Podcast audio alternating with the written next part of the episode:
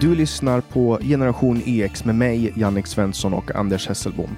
Om du tycker om det här och den här podden och det vi gör så får du gärna gå med i vår Facebookgrupp som heter Generation EX-gruppen. Genom den så kan ju du vara med och påverka innehållet och kritisera och diskutera det vi tar upp här i podden. Länk hittar du på vår hemsida www.genyx.se. Du får ju också självklart stödja det här projektet om du vill och det kan du göra på patreon.com genyx eller genom att swisha på nummer 0703522472. Länkar och nummer hittar du i beskrivningen till det här avsnittet eller på vår hemsida www.genyx.se. Vi släpper nya avsnitt alla fredagar året runt. Hej Anders Hesselbom. Hej Jannik, vad skönt det känns att du inleder med en fast hand. Kul att vara tillbaks. Ja. Har du dammsugit den senaste veckan? Nej, men jag borde verkligen ha gjort det. Och anledningen till att jag har avstått är inte bara att elen är dyr, eftersom jag kör ju infravärme och grejer när jag behöver, utan anledningen till att jag avstått har främst varit att jag inte har haft tid. Ja. Så jag har dammråttor i hörnen som jag ska ta tag i. Mm. Anledningen att jag inte har dammsugit är för att jag eh, inte dammsuger. jag är ju fortfarande en ung karl, 27 år gammal. Hittar mina första gråa hår idag faktiskt. Gratulerar så mycket. Tack. Det känns ganska konstigt att jag är 27 bast och har tre gråa hår. Men min frisör Maria sa att det kan ha med stress att göra och stress låter som en ganska rimlig orsak. För nu studerar jag på heltid och jobbar på heltid och sen spelar Oj. jag in podd med dig och eh, så har jag en annan podd också, så det blir lite mycket att göra. Ja, jag kan ju också säga att jag har blivit bekant med min kala fläck på huvudet. Det är så här att eh, det pågår en liten dragkamp när jag och Henrik youtubar. Han vill inte ha kameran för lågt för han tycker att det ger en osmickrande bild, lite dubbelhaka sådär. Jag vill inte ha kameran för högt eftersom min kala fläck på huvudet syns. Ni får, ni får låtsas att ni har så här zoom, så att ni har varsin kamera, så får ni sätta upp den. Ja. Ja, nej, men anledningen, den riktiga anledningen till att jag inte dammsuger var ju såklart att jag läste SVT med rubriken mm. Därför ska du inte dammsuga de närmsta dagarna kom ju upp som en eh, stormvind och slog Twitter. Skiten hamnade i fläkten. En riktig jävla diarrésprut rakt in i fläkten som for ut över hela Sverige. Och då ändrar ju SVT rubriken till Därför kan det vara smart att inte dammsuga de närmsta dagarna. Och det här är ju en skarp uppmaning från regimmedia. Man tycker ju kanske att rubriken borde vara Sverige har en akut elbrist. jag vet inte varför de är så vänliga, men det där får bli lite grann av dagens tema då, regimmedia. Att det är klart att de är regimvänliga. Ja, men vi vet men... ju också att SVT i mycket hög grad, folk som jobbar på SVT gillar ju, gillar ju Miljöpartiet. Jag tycker att det är lite konstigt att man, alltså det blir lite dubbelprat här eftersom elpriserna är ju skyhöga i södra Sverige och i mellersta Sverige också för den delen. Och vi vet ju också om att eh, nätet och kapaciteten är hårt belastad också, framförallt i södra Sverige. Dessutom så går man ut med en rekommendation att inte dammsuga.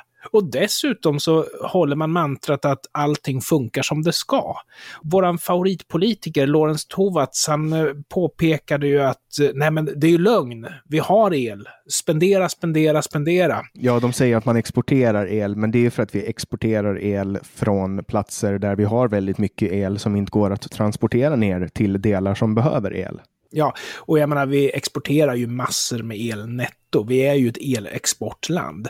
Men det är inte det som är problemet här. Problemet är att vi har för dålig kapacitet att försörja hela landet så att vi dessutom är, om inte ett netto, så ändå ett bruttoimportland. Och det vi importerar är inte skitbra. Det vi har ersatt kärnkraften med är inte heller skitbra. Nej, olja. Vi, vi, folk röstar, ja. jag höll på att säga vi, men folk röstar på Miljöpartiet i hopp om att få klimatsmart el. Och vad fick man? Jo, mm. man fick olja olja är... Ja, men det är väl bättre i och för sig att man eldar med olja än att man eh, satsar på vindkraft, för den är ju definitivt inte klimatsmart. Det går åt massor av energi att bygga och serva dem och de producerar inte speciellt mycket energi och dessutom så skadar de eh, faunan, floran och faunan, i och med att mycket insekter stryker med, vilket är fågelmat. Och jag menar, allting hänger ju ihop i naturen. Att eh, får vi brist på insekter så kommer nästa problem som ett brev på posten. Så vindkraft är någonting som jag mer och mer måste säga att jag är motståndare till. Och jag tycker ju att man kan satsa på kärnkraften istället. Det... Herrejösses ja.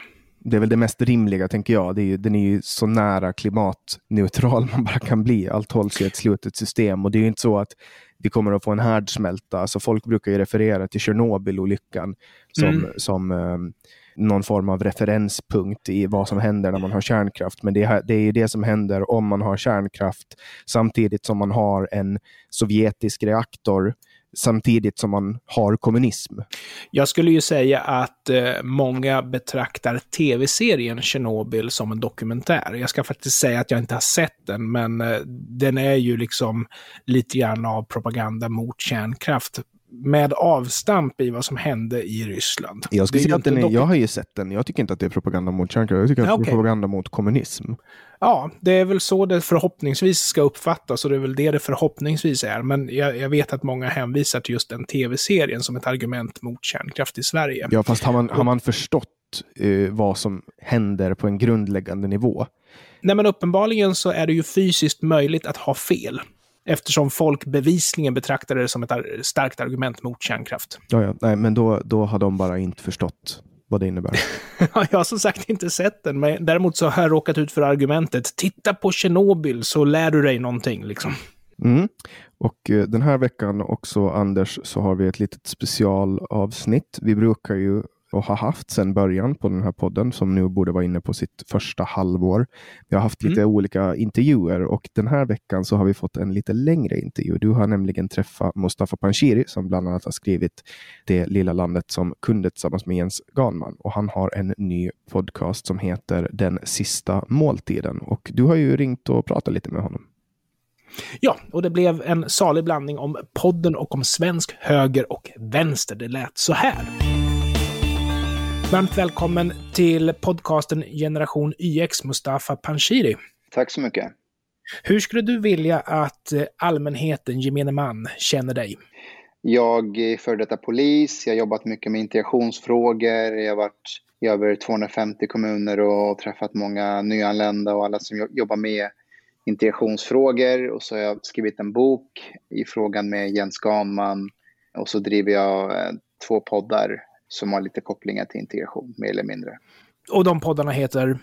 Den ena heter Gränslös, den är lite mer seriös. Vi har mm. eh, träffat lite partiledare senaste och intervjuat dem.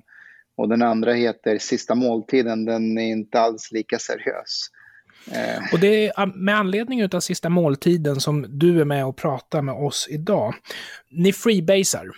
Ja, vi, vi har i princip inget manus utan eh, vi bara samlas träffas och pratar. Vilka gäster är det man kan förvänta sig att få höra när man lyssnar på den?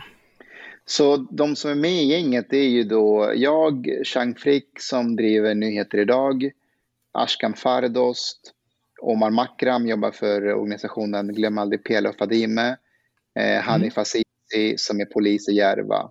Så det, det, är vi som, det är vi som driver den. Och så har vi lite gäster i varje avsnitt ibland. Så senast hade vi Aron Flam, vi har också helt okända människor som eh, Rissa till exempel, en polis som, om, som var med härom, härom veckan från Järva också. Så vi, vi blandar lite kända och okända ansikten. Men vilka ämnen är det som ni cirkulerar kring i den här podcasten? Alltså egentligen, tänk att du är på en middag. De ämnen som dyker upp på den här middagen, så sitter vi bara och pratar om det. Det kan vara allt ifrån eh, ja, smink till filosofi. vi, vi, vi, vet inte. Jag har lyssnat på podden och eh, dels så vill jag gratulera för att den är ju både lång och ändå förvånansvärt innehållsrik. Man känner sig som en person som faktiskt får höra någonting man aldrig har hört förr när man lyssnar. Ja, vad roligt. Eh, tack som lyssnar. Det, det, det, det uppskattar vi. Men hur hittar man den här podden då, eh, Sista måltiden? Den finns överallt, lite Spotify, eh, sök på den så, så dyker den upp där, där poddar brukar finnas. Sen vill jag prata lite grann om det här med först hur man stöttar podden. Vad kan de som lyssnar göra för att hjälpa er? Ja, då först och främst så har vi eh, Patreon. Där kan man eh, mm. gå in och, eh, och stötta oss. Det skulle vi uppskatta. För vi, vi sitter i en studio och det kostar lite att sitta där och, och vi vill ju gärna komma med fler avsnitt i veckan. Så, så det kan man göra. Eller så kan man göra det med, med Swish också. Eh, det går mm. också bra. 123 605 5990. Jag sa det bara så slipper man leta. Utmärkt, utmärkt. Men uppgifterna finns på sidan antar jag? Ja, ja. Får jag fråga nivåerna på Patreon? Eh, jag tyckte mig se nivå Schyffert. Vad är det för någonting? ja, alltså det, det, är den högsta nivån. Eh, och eh, det, det, det, alltså Schyffert var ute under flyktingkrisen och sa att ja, men för två Quattro Stazione och, och Fanto Netflix så kan man, så kan man garantera liksom att, att, att, att vi klarar av den här flyktingkrisen. Då. Så vi menar mm. att man kan också finansiera vår, vår podd med, med den summan. Men det är väl ett strategiskt grepp att räkna om, jag hörde att någon körde med en ostkrokar, alltså att x antal påsar ostkrokar är vad flyktingarna kostar, vad integrationen kostar och så vidare. Ja, ja, alltså Filip och Fredrik hade ju en tårta i sitt program, en jättelång ja, ja. tårta hade de. eh, så... Men det är inte specifikt flyktingfrågan som eh, vi diskuterar, för jag, jag, tyckte mig höra Aron Flam prata mycket om socialdemokratin, men det är väl kanske en, en fråga som ligger ganska nära hans hjärta, antar jag. ja, alltså, det där, vi, vi, vi satt faktiskt och, och, och skojade lite innan podden att, att när vi har Aron Flam med så skulle vi börja ta upp random ämnen och så skulle vi få honom att koppla den till socialdemokratin. Men det, det, är verkligen hans hjärtefråga. Han vill, han vill krossa socialismen. Men det verkar inte finnas något jättetydligt politiskt konsensus i gänget som pratar, utan ni är lite grann utspridda på den politiska skalan, va? Ja, ja, men det skulle vi säga. Alltså, eh, jag skulle säga att det vi har gemensamt är inte så mycket det, det, det, det politiska. Däremot, vi alla lider av ett mellanförskap som vi har pratat om i, podden ibland. Alltså att vi, vi alla första generationens invandrare. Vi tillhör in, inte någon läger, men vi tillhör lite överallt också om du förstår vad jag menar. Mm. Eh, det har vi pratat mycket om och jag, jag tror att det är inte en slump att det är vi som har hamnat i den här podden tillsammans.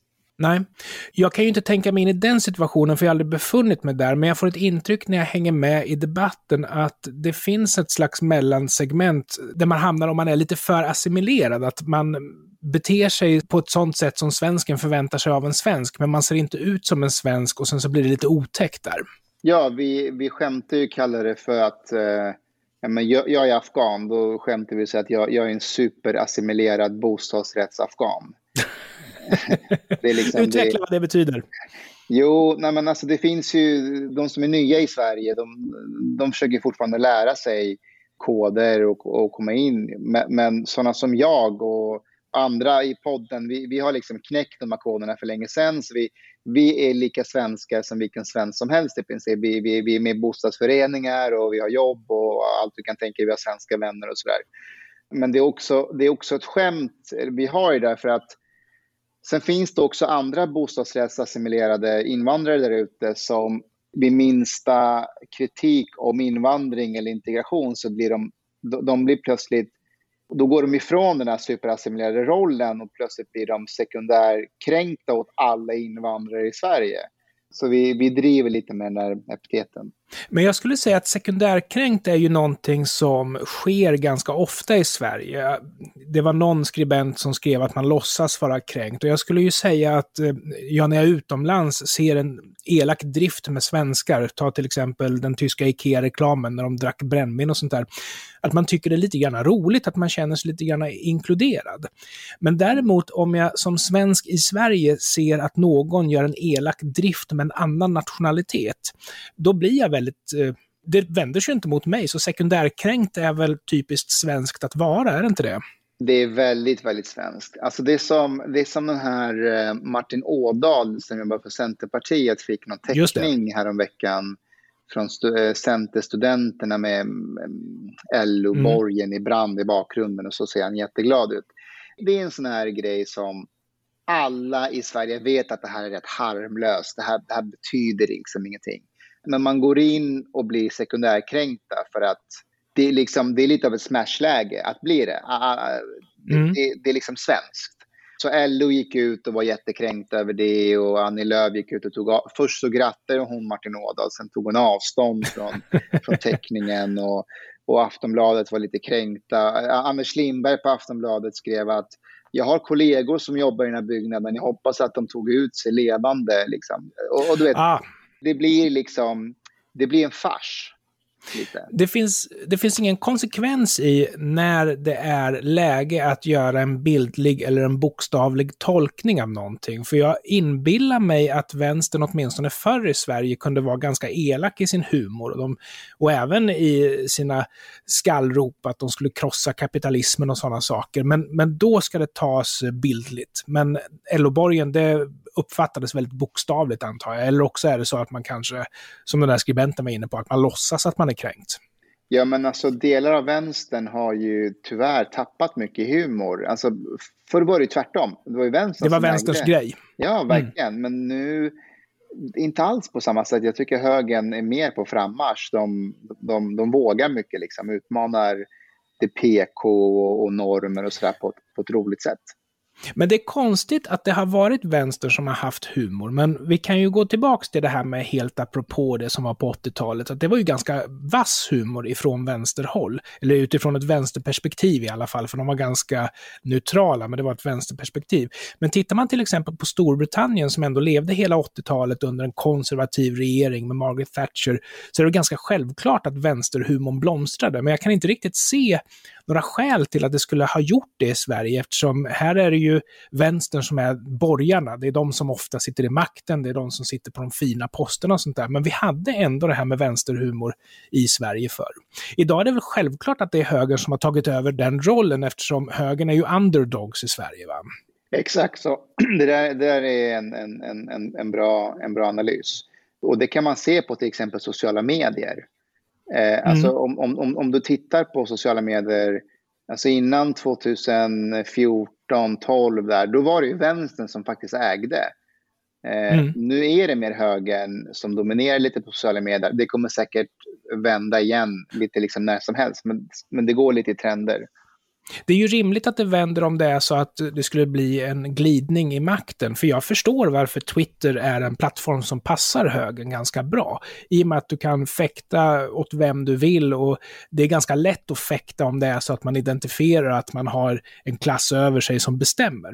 Medan är du en vänstersympatisör, jag menar då måste du försvara försvarsministern i debatt på tv, du måste liksom försvara ett system som bara blir bra om sossarna vinner ett endaste val till och så vidare. Medan högern har ju inte det här regeringsbärande ansvaret, de kan fäkta bäst de vill. Va? Precis, och det där, kommer, det där kommer ju vända om det blir en skifte i regeringen där. Eh, och det där är någonting som jag pratar med min vän Jens Ganman mycket om för han får ju ibland kritik om varför han inte driver eh, mer med, eh, med, med Sverigedemokraterna och att han driver mer med, med Socialdemokraterna. Och då, mm. hans, hans poäng är ju att ja, men, de har ingen makt, SD. Nu är det, nu är det de, alltså vänstern som har makten i Sverige, eller S. Eh, S. Sker det en, blir det en konservativ regering om något år så kommer han att rikta mer mot dem. Sverigedemokraterna har mycket makt skulle jag säga. Du har ju alltifrån de mandat som har tilldelats dem till det faktum att de är ju väldigt närvarande på sociala medier och i opinionen och driver tidningar och sådana saker. Absolut. Men däremot, så har, däremot så har de inget ansvar. Nej. Det, det, det, de är inte regeringsbärande. Det, det, är faktiskt en, en, en betydligt bättre förklaring. Den, den, den köper jag. Och jag är lite osäker på om Sverigedemokraterna vill ha ansvar. Jag tror att de nöjer sig med att sitta vid sidan av och använda sina mandat till att ställa till med besvär för etablissemanget. Det är vad jag tror.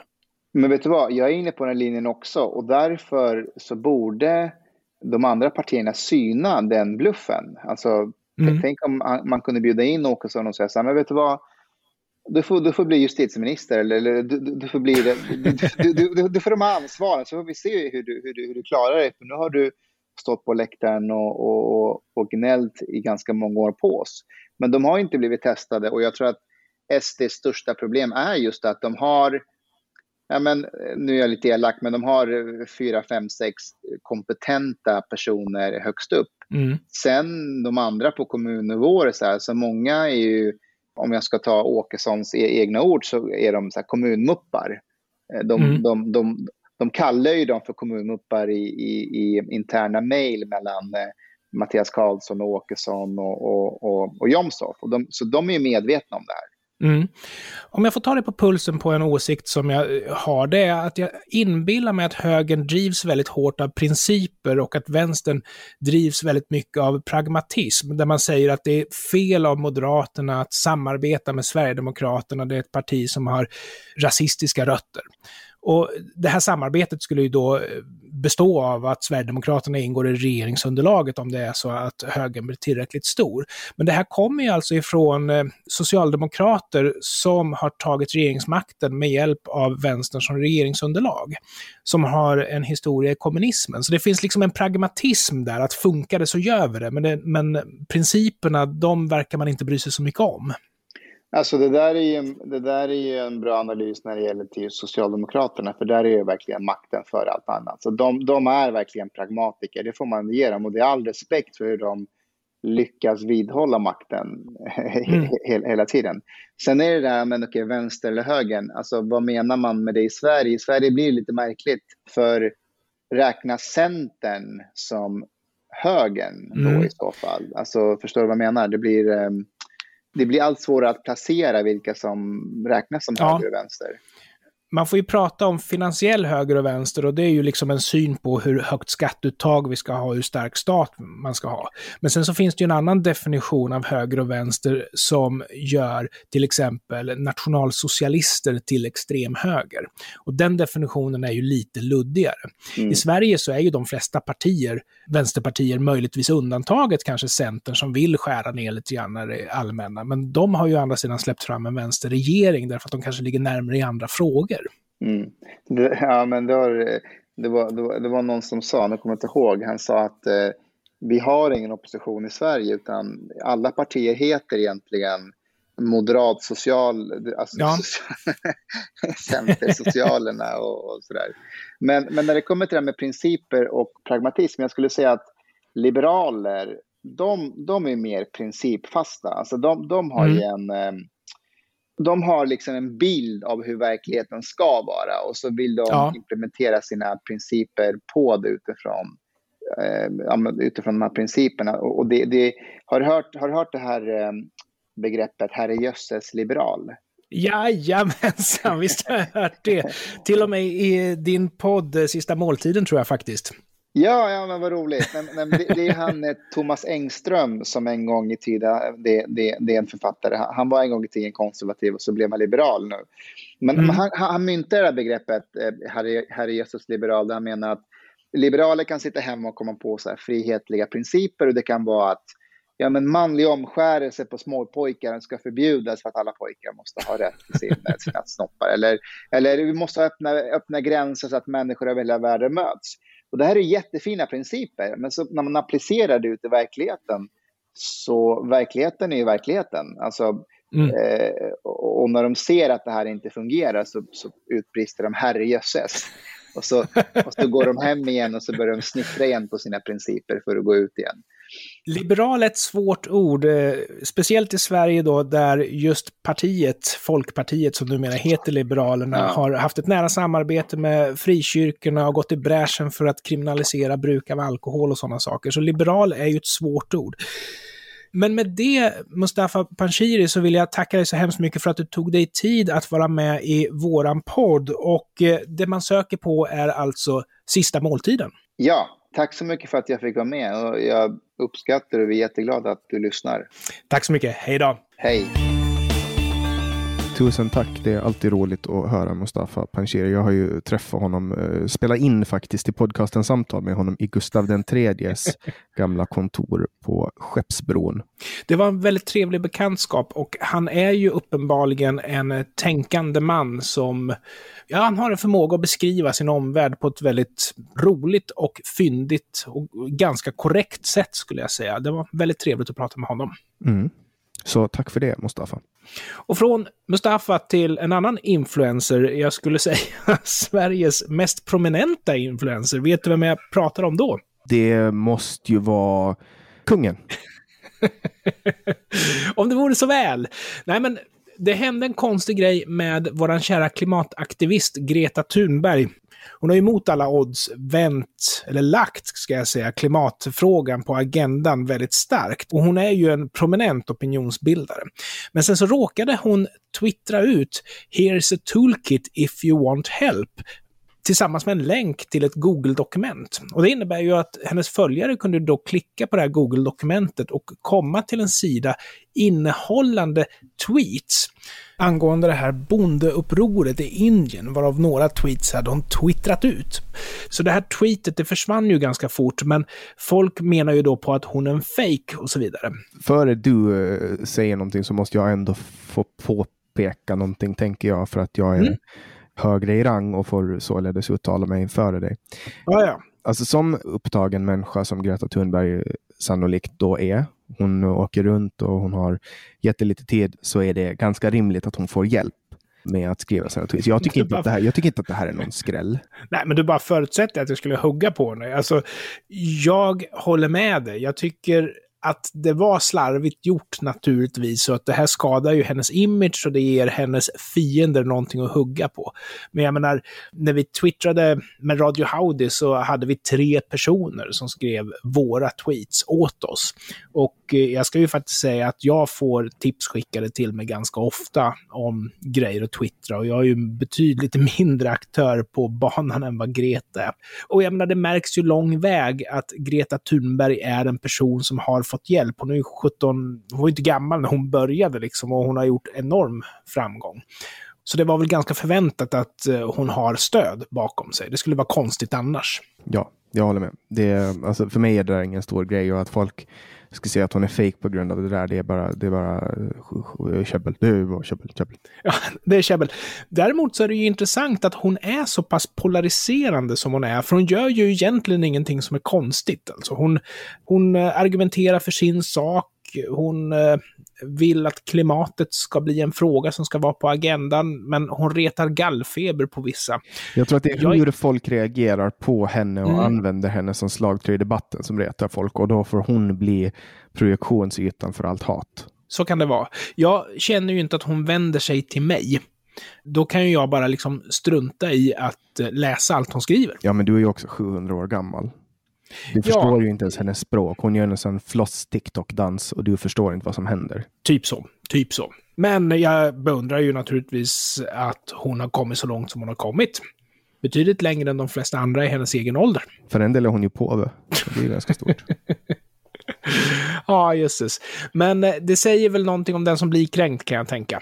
Ja, vita kränkta män. Medelålders, överviktiga, ja, privilegierade. Som, som du. Eller som Peter Hultqvist. alltså därför, du får inte säga att någon är överviktig. Nu, nu har du fatshamat Peter Hultqvist. Fy skäms på dig. Såg du debatten mellan han och Jimmy Åkesson på tv? Det Tyvärr, var på SVT. Jag har inte haft tid helt enkelt. Jag har inte sett det ännu, men jag har väl det på min lista. Men du, som den gamle kommunist du ändå är, måste väl bevaka det mesta som går på statlig television, är det inte så? Ja, ja, ja. Absolut, men eh, tyvärr, mm. så, tyvärr så har jag inte hunnit nu för jag har varit tvungen att eh, marschera på gatorna med en röd flagga. Var det du och jag som pratade om valkampanjen i förra avsnitt? Ja, det var vi. Ja. Brunsmetningen. Och, ja.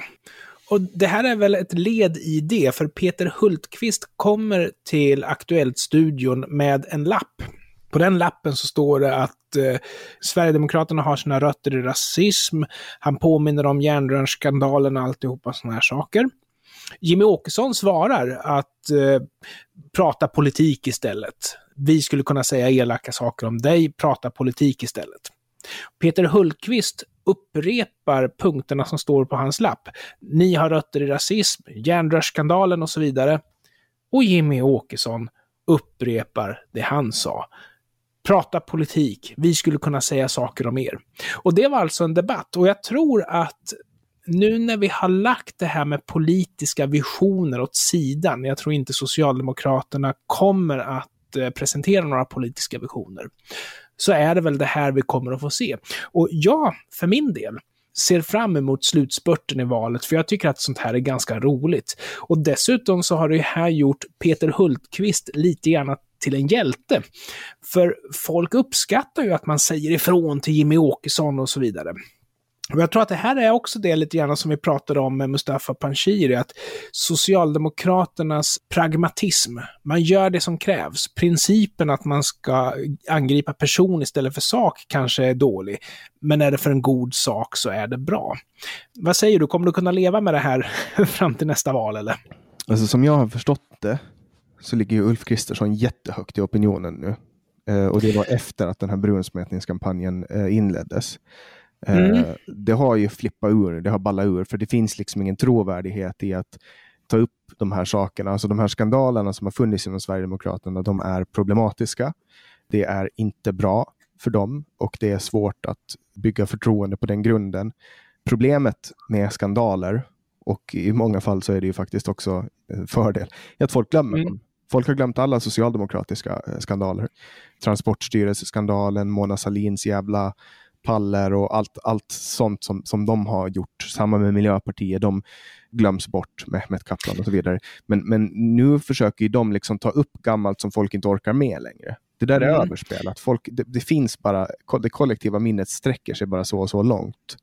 Och... Alltså beroende på skulle jag säga. Jag anser ju att det kollektiva minnet kan hållas vid liv med hjälp av journalistiken och sådana saker. Men journalisterna har ju faktiskt en viss makt i vad de väljer att fokusera på. Hur ofta tänker du på den här socialdemokratiska kommunpolitiken som sköt sin fru med en pistol medan hon sov så att hon dog för ett par år sedan? Nej, det tänker Hur... jag, inte, jag tänker inte jätteofta på. Nej, därför att den hålls inte på agendan. Hur ofta tänker du på vänsterpartisten som gjorde hembesök hos sina meningsmotståndare för att bedriva påtryckningar att de skulle ändra sig till hans favör i en fråga? Inte jätteofta det heller. Låter som Jehovas vittnen. Ja, precis. Men skulle en eh, sverigedemokrat, gärna utrustad med järnrör, göra samma sak så skulle du jäklar i mig få läsa om det i tidningen. Liksom. Ja, ja, det, så, det. så jag tror att det kollektiva minnet, det är ungefär så långt som eh, massmedia bestämmer att det ska vara. Ja, och, och, ja, och det har ju varit ganska länge. Det var ju, jag vill ändå påstå att det var runt valet när Sverigedemokraterna blev invalda då, 2010 som de kom in i riksdagen, då börjar ju allt det här. och sen har man ju aldrig slutat. Och nu har det bara intensifierats. Men, men grejen är det att har man en, alltså, vad kan man jämföra det som en, eh, vi tar en MMA-fight eller en thaiboxning-fight. Om, mm. om, om ena, alltså om boxare A sparkar jättemycket bensparkar, då kommer ju person B att blocka väldigt mycket ben. Alltså man, man börjar mm. ju blockera de slagen och till sist så funkar inte sparkarna. Alltså till sist kommer det att börja göra ont på, på eh, person A. Och till sist så kommer ja. person A skadas jättemycket av att lägga in en spark på person B som blockar den. Och så här är ju samma sak. Alltså desto mer man håller på med den här brunsmetningen, desto mer tappar den effekt och desto mindre påverkar det de andra. Så att snart har de inga vapen kvar. Alltså snart kommer Socialdemokraterna att börja behöva eh, konkurrera med politik. Och när de börjar konkurrera med den politiken, då kommer den att behöva vara invandrarfientlig för att de ska kunna stå upp mot Sverigedemokraterna jag tycker att du säger kloka saker. Å andra sidan så vill jag bara påminna om att det har ju varit en lång tid av socialdemokratiskt styre i Sverige. Från val till val så har det ju faktiskt varit en betydande mängd tid lagd på att eh, misstänkliggöra regeringskritiker och påminna om att om det är så att du inte röstar på eh, regeringen så är du ett hot mot demokratin och allt vad det kan vara för någonting. Det där har pågått ganska länge, men det är klart, igen, det kollektiva minnet kanske inte är så dåligt. Folk kanske tröttnar på det också till slut. Mm. Och förhoppningsvis så tröttnar inte folk på oss. Eh, på generation YX då, med mig, Jannik Svensson och med den här gamle, gamle mannen Anders Hesselbom. Eh, jag tyckte precis att vi hade kommit igång, men okej, okay, jag får väl ge mig. Ni får lyssna nästa vecka. Ja, men så blir det ibland. Ibland har vi intervjuer och då får vi lite mindre tid. Men vi ska inte tråka ut våra lyssnare och det kan ju vara bra att ha, gör vi bra content så kanske, kanske, kanske de kommer tillbaka nästa vecka. Vi får se. men som sagt, du som har lyssnat på det här får jättegärna stödja det här projektet. Vi är två fattiga, fattiga män här som Nej. betalar allting själv. Ja, jag, är, jag är faktiskt studerande.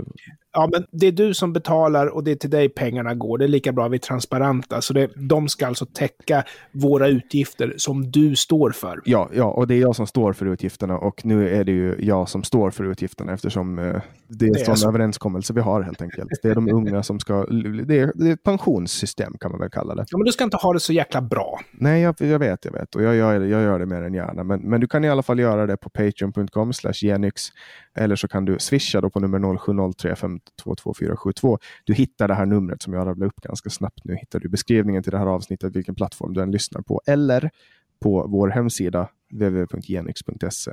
Och sen sist då, men uh, inte minst, så får du jättegärna gå med i vår Facebookgrupp Generation YX-gruppen. Länk till den hittar du på vår hemsida www.genix.se. Tack för den här veckan, Anders. Tack så mycket, Jannik. Hej då!